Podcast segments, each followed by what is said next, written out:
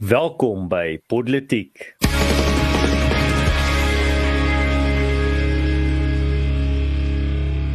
Asai, dames en here, dit is Woensdag aand 5:00, so dit beteken dat jy ingeskakel is op Politiek. En uh, ons sien dan uit om vandag net te gesels vir 'n paar stories. Uh ons uh gaan vandag oor drie stories praat. Ten eerste G7 nooi Suid-Afrika nie en Duitsland sonder kernenergie. En dan so, gaan ons ook so 'n bietjie kyk na Sudan, maar ehm um, ek kon nie dit nie ruimte ingewerk kry nie. So erns, kom ons spring weg met hierdie ding oor Duitsland energie. Nou, ek ek woon al so so 'n bietjie meer as 'n jaar in Duitsland. Goed, ek is op hierdie stadium in in Hongarye, maar Ek woon al rukkie in Duitsland en ons elektrisiteitspryse is 70% op in 'n jaar nê. Nee? Ehm um, ofwel nee, dit is 70% duurder as die res van Europa of as die gemiddeld van Europa of iets van die aard. Maar elektrisiteit is regtig ontsettend ontsettend duur. Soos jy verkies om koud te kry bo ehm um, jy weet om om jou verhitting aan te sit, is regtig so. Soos ek sit in die winter met kombersies en kouse en handskoene en goeders. En is verstaan met die eerste wêreldse land te wees en ek het gedog om die verhitting te hê is 'n Suid-Afrikaanse ding. Ehm um, en nou het, iets anders gebeur in terme van kernenergie en uh, ek het ek het nie regtig 'n storie gekyk nie, maar gelukkig het jy, so vertel ons 'n bietjie daarvan. Ja, wel, ek wil eerstens vir ons luisteraars net sê as jy 'n uh, in diepte artikel daar wil daaroor oor hierdie storie wil gaan lees, um, meer oor die, die in diepte besonderhede, dan kan jy gaan kyk op Marula Media. Die titel is Die einde van die kernkrag era in Duitsland en dit is deur Sebastian Bill. En dis 'n baie goeie artikel, maar hy gee nogal in sy inleidende paragraaf eintlik alles wat jy nodig het net vir die basiese konteks hierso voor ek en Paul vir julle gaan bietjie ontnonsens wat hierso aangaan of wat ons dink hierso aangaan. So verlede naweek op 15 April 2023 is die laaste 3 werkende kragstasies in Duitsland permanent afgeskakel. Hulle sou volgens die oorspronklike plan al aan die einde van 2022 afgeskakel word, maar het weens die onsekerheid oor die kragvoorsiening in die wintermaande 'n uh, genade tyd van nog 3 en 'n half maande gekry. Ten spyte van talle appelle van wetenskaplikes, die oppositie en van 'n meerderheid van die bevolking wat die voortsetting van kernenergie steun, gaan veral op uh, aandrang van die Groen Party die kernkragera in Duitsland finaal verby wees. Selfs binne die regerende drie-party koalisie was die kleinste vernoot, die liberale Vrydemokratiese Party, die FDP, ongemaklik met die einde van kernkrag, maar vir die Groenes was dit 'n ononderhandelbare eis. Nou ehm um, Paul, ek dink jy kan eers met jou stukkie onnonsens begin en dan sal ek daarby las want uh, ek wil sommer hoor daar van jou kant af as iemand wat nou baie meer direk hierdeur geraak word. Wat's van jou gedagtes? So, um, ek het die storie gou-gou geplaas in die in die kommentaar afdeling, maar jy kan dit uh, lees na die politieke episode dat ek en Erns eers ons gesels gesels. Ehm um, Okay, so ek dink eerste ding eerste, dis nodig om te besef wat hier aan die gang is. Meer as helfte van die mense in Duitsland is nie gelukkig hiermee en stem nie hiermee saam nie. Uh wat ons hierso sien is is ongelukkig wat wat my betref iets wat ons baie keer in die verlede gesien het voordat die stelsel in mekaar begin val. En dit is dat die elite nie meer in kontak is met die mense op die grond nie. Baie mense sê dis die rede hoekom Brexit gebeur het. Baie mense sê dis die rede hoekom Trump verkies is. Maar ons sien dieselfde ding nou in in kontinentale Europa. Die gemiddelde man op straat kan gewoon net nie meer bekostig om op dieselfde vlak te lewe nie. Kos het ontsettend duur geword want energie het ontsettend duur geword. Ehm um, daar's wel nie so skoolgeld en universiteitsgeld nie, maar jou huur het duurder geword. Jou alles alles alles in Europa word duurder en Duitsland baie meer so. En die huidige regering word genoem die ampel, dis die Duitse woord vir 'n verkeerslig, want dit is die rooi Ehm um, en die die die rooi is die die ehm um, SPD wat die die tweede die een van die twee groot partye histories in Duitsland is en hulle het ook op hierdie stadium die kanselier. Maar dan die groen en die geel is die geel is die Vrye Demokrate. So hulle is so 'n bietjie libertaries. Hulle sien hulle self baie keer ekonomies nogals regs. Ehm um, en hulle hulle wil eintlik belastings laag hou, maar dan het jy direk in kompetisie met hulle die groenes. En die groenes druk hierdie agenda ontsettend hard. En ehm um, hulle leier as ek reg is is die is die minister van ehm um, van openbare werke iets van die aard ek het nou nie die goed vertaal nie so lekker na na Afrikaans toe so vinnig my kop nie. Maar die punt is die die groenes druk hierdie agenda ontsettend hard en hulle het gesê vir die SPD dis reg ons kan hierdie koalisie maak, maar hierdie is ons agenda. En jy weet hulle seker goed, ek meen verlede week is is uh Dagabo sekere vlak ook wette gemaak. Ehm um, en uh jy weet nou maar die kernding was vir hulle groot groot groot ding geweest. Die probleem is jy weet wat jy effektief doen is jy sê ons soek ons ideale wêreld en ons sit dit bo mense se lewensstandaard. So mense met liewer bietjie koud kry, dis oukei, hulle kan maar bietjie sleg voel, maar ons het hierdie groter um doelwit wat ons het. En ek wil natuurlik nie die die um omgewing moet vernietig word nie, maar die realiteit is dat mense kry koud en die mense wat daardeur geraak word is die arm mense. Um so ek ek moet eerlik vir jou sê, ek dink as Duitsland vandag moes kies, sou hierdie drie partye nie noodwendig die populariteit hê wat hulle gehad het aan die einde van van 20 21 uh, toe dit verkiesing was nie. En ehm um, ek dink die Duitsers begin meer en meer in kontak met die realiteit kom. Maar die probleem is dis dieselfde ding wat ons in die 90s en die 2000s gesien het in Amerika en in Engeland en dis dat die elites net nie dit verstaan nie. Want as jy politikus is en jy bly in Berlyn in een of ander gesubsidieerde politieke woonstel of jy verdien 'n baie hoë salaris, dan pla dit jou nie want jy ry 'n Tesla, so jy geen om wat petrol kos nie. Ehm um, jy kry 10 teen 1 een of ander subsidie vir jou sonpanele en jy het geen probleem wat wat elektrisiteit betref en wat hitte betref nie wat is heeldag in 'n regeringsgebou. Ehm um, so Ek dink jy weet regtig uh die die Duitsers gaan toenemend begin terugdruk. Mens sien alreeds in sekere uh, stukke. Laaste kommentaar, ek dink die Duitsers het nie regtig soveel van 'n alternatief nie. Want hulle kan ons nou sê meer konservatiewe regse party, die AFD, het regtig uh die alter, alternatief vir Duitsland. Het 'n paar posisies gehad wat ek persoonlik miskien 5 of 10 jaar terug sou sê het goed maak vir my sin, maar dit nou regtig in 'n plek in beweeg waar dit moeilik vir mense is om met hulle te assosieer en nie. Die Christelike Demokrate, Angela Merkel se party, hulle is jy weet hulle hulle het ook nie regtig wat 'n mens kan sê 'n 'n gesonde konservatiewe beskouing op hierdie stadium wat my betref nie. So kom ons kyk maar waartoe gaan dit, maar dit is so 'n bietjie 'n perspektief van my kant af. Ja. Wel dit dit vorm nou deel eintlik van 'n 'n 'n patroon wat ons nie net uh, in Europa sien nie, maar in Suid-Afrika ook. Hierso het ons 'n kragkrisis en daar word gepraat van ons gaan nie uh, ja, ons gaan nou al hoe minder op steenkool staat maak as ons 'n uh, ongelooflike steenkoolryk land. Ehm um, al is ons nie een van die wêreld se grootste besoedelaars nie en ons is eintlik 'n land wat uh, ek persoonlik dink is baie belangriker dat ons uit ons kragkrisis uitkom as wat ons nou 'n 0.05% impak op die uh, hoeveelheid uh, CO2 in die atmosfeer het.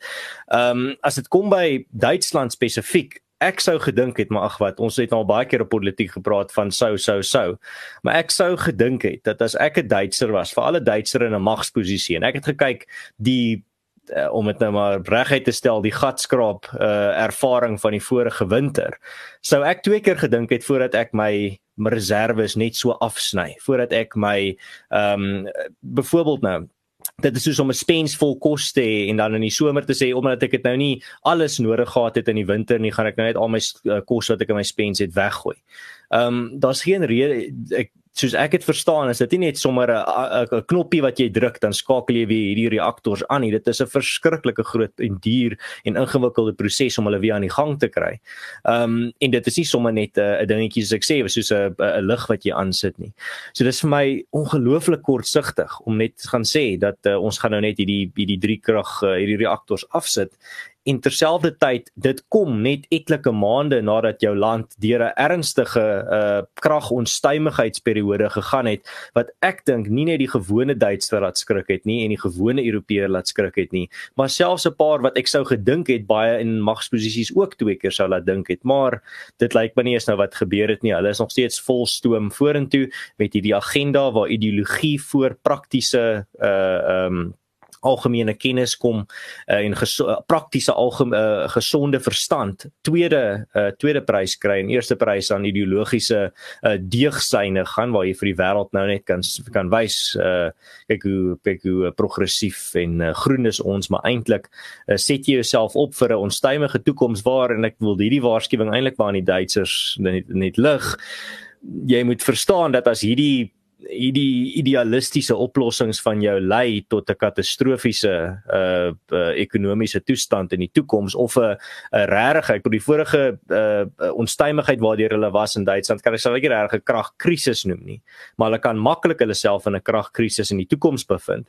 En dan kan ek vir julle waarborg gaan die meerderheid van Duitsers baie maklik iemand hê om 'n vinger na toe te wys en 'n beleid hê om 'n vinger 'n paar beleide om 'n vinger na toe te wys. En dan mag jy dalk in jou in jou strewe om nou hierdie progressiewe samelewing te skep eintlik 'n baie radikale terug uh, terug uh, stap kry waar Duitsers net gaan sê maar wel dit gaan nou oor ons moet besluite maak oor of ons um, gas of kos uh, of uh, hierdie maand gaan koop. En uh, die die feit dat ons daai tipe besluit moet maak beteken ons gee nie regtig veel meer om vir julle mooi stories van groen energie en uh, die aarde en uh, die die omgewing nie. Uh, ons ma is leeg en ons kinders is honger honger en uh, ons huise is koud. En as dit by daai punt kom, dan raak politiek alles behalwe progressief om dit maar net so eh, so ligtelik te stel. Ek sien 'n uh, Paul het nou gefries daar. Ek weet nie of dit aan my kant, o, daar's jy terug. Ek uh, hoor jy nou in die Paul, ek weet nie ehm um, is jy gemute dalk? Kan jy my hoor? Yes, dis vreemd. Ehm um, internet aan my kant is Alright. Lyk my ek is nog regstreeks hier, so as niks fout met my internet. Dis miskien nog 'n finale gedagte daar te sit. Ehm um, ek sien eh, ek het nou nie so nie ehm um, aan die kant gelees nie. Paul sê hy het gevinnig oorgegaan na 'n ander internet toe. Ehm um, so miskien net om daar by daai gedagte aan te sluit. As dit kom by die uh, onstuimige ekonomiese omstandighede waar baie lande veral in in Wes-Europa en uh, in wel in die westerse wêreld hulle self vandag vind, sou ek dink dat dit juis die tipe omstandighede is waar iets soos ehm um, noodreserwes iets ongelooflik belangrik is om uh, altyd maar uh, in jou gatsak te hou en uh, te, as 'n as 'n opsie te hou. Paul, dit klink my jy's terug. Ek hoop ek is terug. Skus uh, ja, nee, kan jy, jy as jy 'n navorsing uh student is dan jy weet dis die tipe geld wat jy kry nie tipe woonstelle waar jy kan bly nie altyd die plek met die beste internet nie skuis vir jou as 'n uh, politiek luisteraar jy onderbreking. Erns dit bring my baie organies by ons volgende storie en dis dat Suid-Afrika nie genooi is na die G7 toe nie. Um en en ek verbind die twee deur vir jou te sê wat ons in Duitsland sien is uh waar die ideaal meer beteken as die werklikheid. Jy hmm. weet uh waar dit wat jy fisies voor jou sien nie meer saak maak nie maar die droom wat blykbaar daar agter is wat niemand kan sien nie dis die belangrike ding. So Ehm um, wat ons sien in Suid-Afrika is dat die beleid wat die ANC gevolg het vir die laaste 29 jaar absoluut en katastrofies net die ekonomie ehm um, op sy knieë gebring het. Ons het nou gepraat oor elektrisiteit in Suid-Afrika en ons almal weet dat dit 'n probleem is. Praat elke week daaroor. Maar nou het die die G7 wat in Mei maand hierdie jaar in Japan aangebied word, die groot sewe nasies in die wêreld was altyd die G8 en toe Rusland op 'n stadium uitgestoot. Ehm um, die hulle hulle besluit hulle gaan nie uh vir Suid-Afrika nooi na hierdie kongres toe nie. Ons is altyd genooi as 'n verteenwoordiger vir Afrika. En hierdie keer het hulle die Afrika Unie genooi. Hulle het gesê dit maak vir hulle strategies meer sin. Nou erns ek ek hoor wat hulle sê en ja, goed, nooi die Afrika Unie as 'n gespreksvennote wat ek al, maar moenie vir 'n oomblik dink dat Suid-Afrika se absoluut verswakkende posisie nie ietsie mee te doen het nie. Ehm um, baie mense sê dat by die vorige kongres het president Ramaphosa eintlik skaamteloos gevra vir geld. Ehm um, en hy het openlik gesê Afrika, Suid-Afrika spesifiek kort belegging kort geld korties dit en dat. En ek ek dink jy weet op die wêreld se op die wêreld se se blik en is Suid-Afrika nie meer die venster na Afrika nie. En ek dink dis die dis die punt wat vir my die duidelikste staan. As jy wil besigheid in Afrika doen, ons het laasweek dink ek ook hieroor gepraat 'n paar weke terug. As jy wil besigheid met Afrika doen op hierdie stadium, dan maak jy vriende in Kenia, jy maak vriende in Ethiopië, jy maak vriende in Nigerië, jy maak vriende in Rwanda. Weet jy wat jy maak dalk selfs vriende in Zimbabwe, Botswana of Namibië, maar jy gaan nie met die ANC werk nie. En uh, ek dink uh, hulle wil dit nog nie hoor nie maar uh, ek dink vir die vir die res van die wêreld raak dit redelik duidelik dat ehm um, jy weet Suid-Afrika is nie meer so toeganklik vanaf Sandton in Johannesburg soos wat dit dalk 10 jaar terug was nie. Hmm. Maar ek dink uh, ek dink nie dit sou regverdig wees om mense uh sameswerings uh, teoretikus te noem as dit kom by uh, wat ons nou hierso spekuleer nie. Ek dink dit is baie duidelik wat ons hier sien. Dit is nie die, die tussen die lyne lees hierso daai um, daai lyne is maar ver uit mekaar uit. Jy kan baie maklik sien wat daar tussen hulle staan en vir my die boodskap is duidelik. Suid-Afrika het 'n uh, vol tank uh in 1994 'n vol tank van kansse gekry wat oorgeloop het van kansse en nou 30 jaar later het ons uiteindelik daai tank ons karretjie begin nou so hy begin nou so ruk daai laaste styptrekkings voor die karretjie gaan staan en sê jy moes nou petrol ingegooi het jou jou idioot. Ehm um, en nou sit ons in daai situasie. Die ANC moenie kan nie sê hulle was nie gewaarsku nie. Hulle kan nie sê dat daar was nie duidelike tekens dat hulle is besig dat hulle word eerstens 'n uh, ongelooflike uh, bonatuurlike hoeveelheid kansse en goeie wil gegee. En hulle het net alles weggegooi. Hulle het dit uitgebuit en hulle het tot die beste van hulle vermoë soveel as moontlik daai uit gekry. Hulle die kar in die rooi gery al die pad uh, so ver as wat hulle kan sonder om enigstens te dink aan om die kar te diens of om petrol in te gooi. En nou sit hulle by hierdie situasie waar hulle hulle self vind waar daar swart rook by die by die agterpyp uitkom. So Ja, jy is heeltemal reg ja, skies maar net 'n laaste gedagte daarin. Ek dink dis nie net in die wêreld nie, dis spesifiek op die Afrika kontinent ook. Ek vra die myself die ander dag toe eh, Suid-Afrika nou weer maak ons asof ons so groot gewig het uh, in hierdie uh, krisis in Sudan wat ons nou nou oor gaan praat. Toe het ons nou weer gestoep praat ons nou maak ons nou 'n stem dik asof ons nou 'n groot gewigtige stem op die kontinent is. En ek dink net vir myself ek kan nie onthou wanneer laas ons regering genooi is na enige van daai byvoorbeeld Noord of Wes-Afrika lande as eregaste nie. Wanneer laas hulle hulle daarso enigsins uh van mooi gepraat was deur 'n leier uit een van daai lande nie.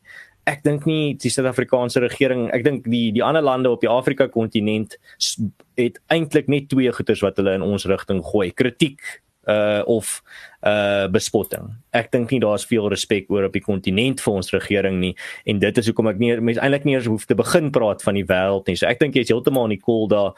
Ek dink dit is veel dis dis meer in die um dis meer in die veld van 'n 'n opgevoede raaiskoot as spekulasie as dit kom by wat die redes agter uh hierdie besluit uh van die G7. Ja, ehm um, ek ek sien my rekenaar sê vir my my internet sukkel weer, maar ek ek glo daarom ons ons behoort nie probleme te hê nie. Weet jy wat erns ehm um, ek ek ek ek bedoel dit pla my ontsettend erg dat die ANC so uit planne uitgehardloop het, maar dan dink ek ook van myself, is dit nie maar die pad wat enige sosialistiese regering na 'n ruk, jy weet, geloop het nie die Duitsers kon nie sosialisme regkry in Oos-Duitsland nie. Ek meen hulle is een van die mees effektiewe re regeringsnasies histories. Onthou hulle hoofstad was Berlyn, wat die die trots van Europa op daai stadium was en vanuit Berlyn kon hulle nie sosialisme laat werk het nie. Ehm um, maar tog sê Slovo in 1988 ons gaan dit in Suid-Afrika laat werk. Jy weet tog vier hulle hierdie hierdie oorwinning. Ek ek dink by myself en weet jy wat?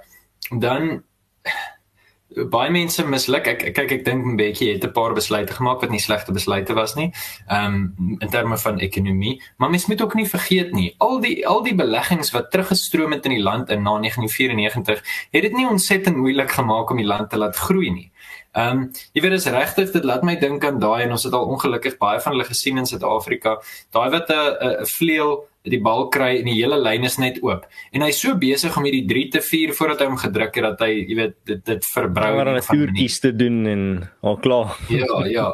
Hy hy wil een of ander bolle makiesie slaan en ja. dan jy weet verloor hy die bal en almal lag vir hom. En en ek dink jy weet maar weer eens ons kan elke week hier sit en sê hoe ons sê dit sleg het gaan en hoe maar die die realiteit is goeie genigtig ons moet 'n plan begin maak. Ehm um, en ek dink goed daaroor praat ons nou al lank en praat ons nou al baie maar die hmm. punt is hierdie is die ouens wat sit met die besluite.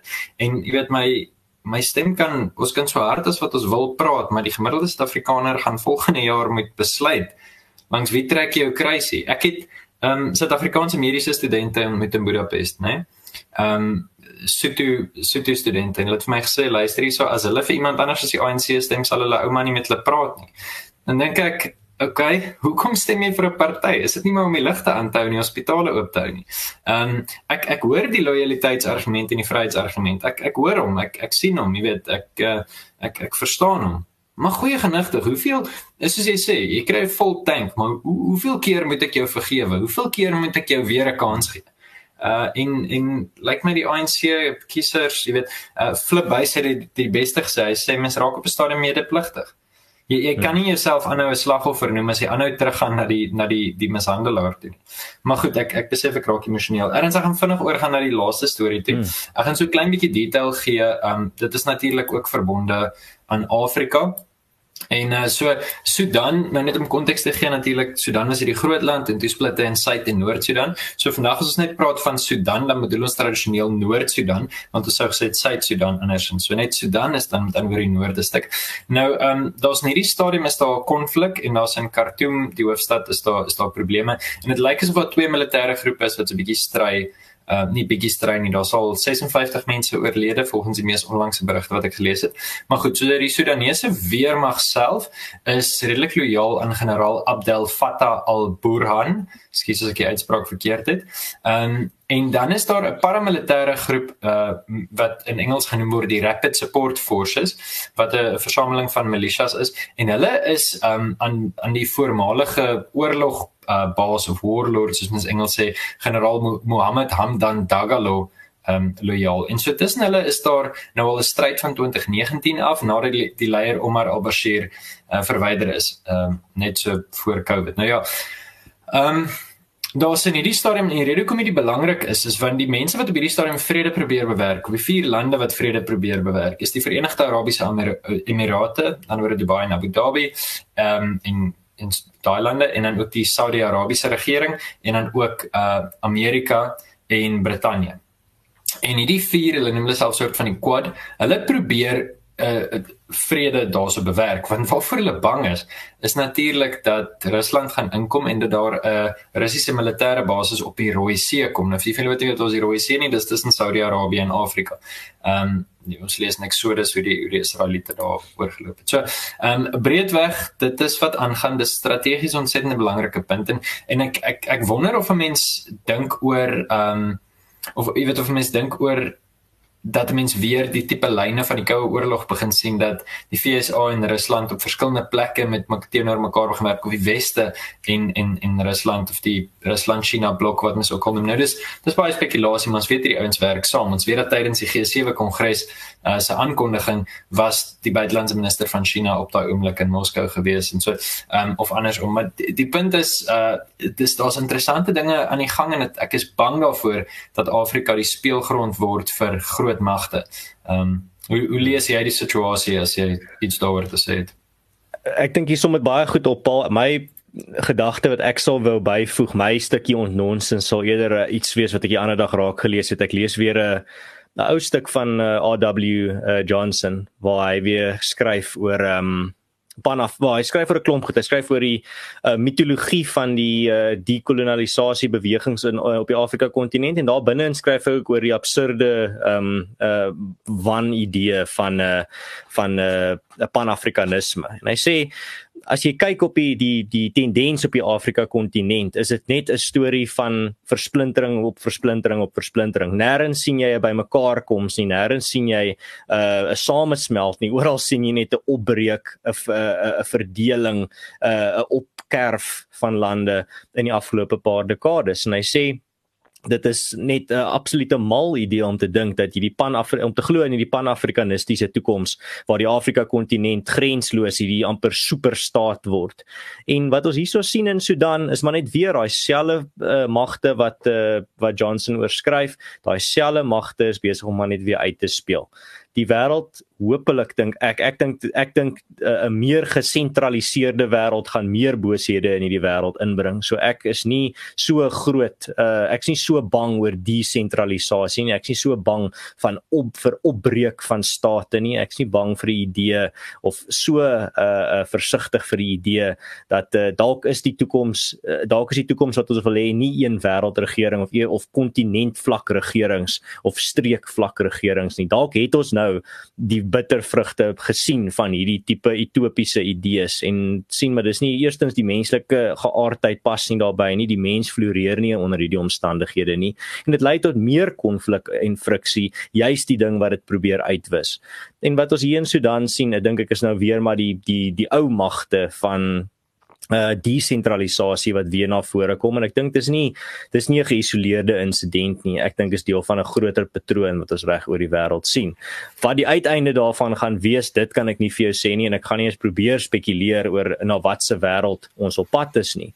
Maar ek sien maar nie die tipe magte, die tipe amper amper soos die ANC sou sê 'n 'n balans van magte en hoe dit verander en die trek en stootkragte in die wêreld en wat ek sien is desentralisasie, wat ek sien is opbreek van uh, van unies. En wat ek sien is nie 'n wêreld wat uh, noodwendig 'n uh, 'n uh, 'n uh, lot het van 'n spesifieke eindbestemming. En daai eindbestemming is 'n 'n 'n wêreld van net 'n klomp uh, uh, Europese unies, Afrika Unie, Noord-Amerikaanse Unie, Asiëse Unie nie, maar eerder 'n wêreld weer wat teruggaan na kleiner uh assosiasies, kleiner ehm um, uh versamelings van orde. Ehm um, en dis dis maar die patroon wat ek hier raak sien en wat hier uitspeel en ek sal sê dit is my uh, dis my inset oor hierdie storie. Ja, ek ek meen ek moet vir sê ehm um, in die in van die kringe waar waar ek beweeg en ek dink vir mense wat dalk miskien so 'n bietjie meer identifiseer as konservatief in beweeg, is daar baie sprake van 'n postliberale soort van posisie waar ons osself bevind. Ehm um, jy weet ek ek werk met ontsettend interessante teorie. Ek wil 'n bietjie op 'n stadium iets daaroor skryf. Maar daar was 'n Duitser, ehm um, hy's oorlede so ek dink 5 jaar terug, maar hy het erns in die 2000s het hy gesê liberalisme is afhanklik van omstandighede wat dit nie kan kweek nie. Uh Buckenforde is 'n die Duitse regter gewees.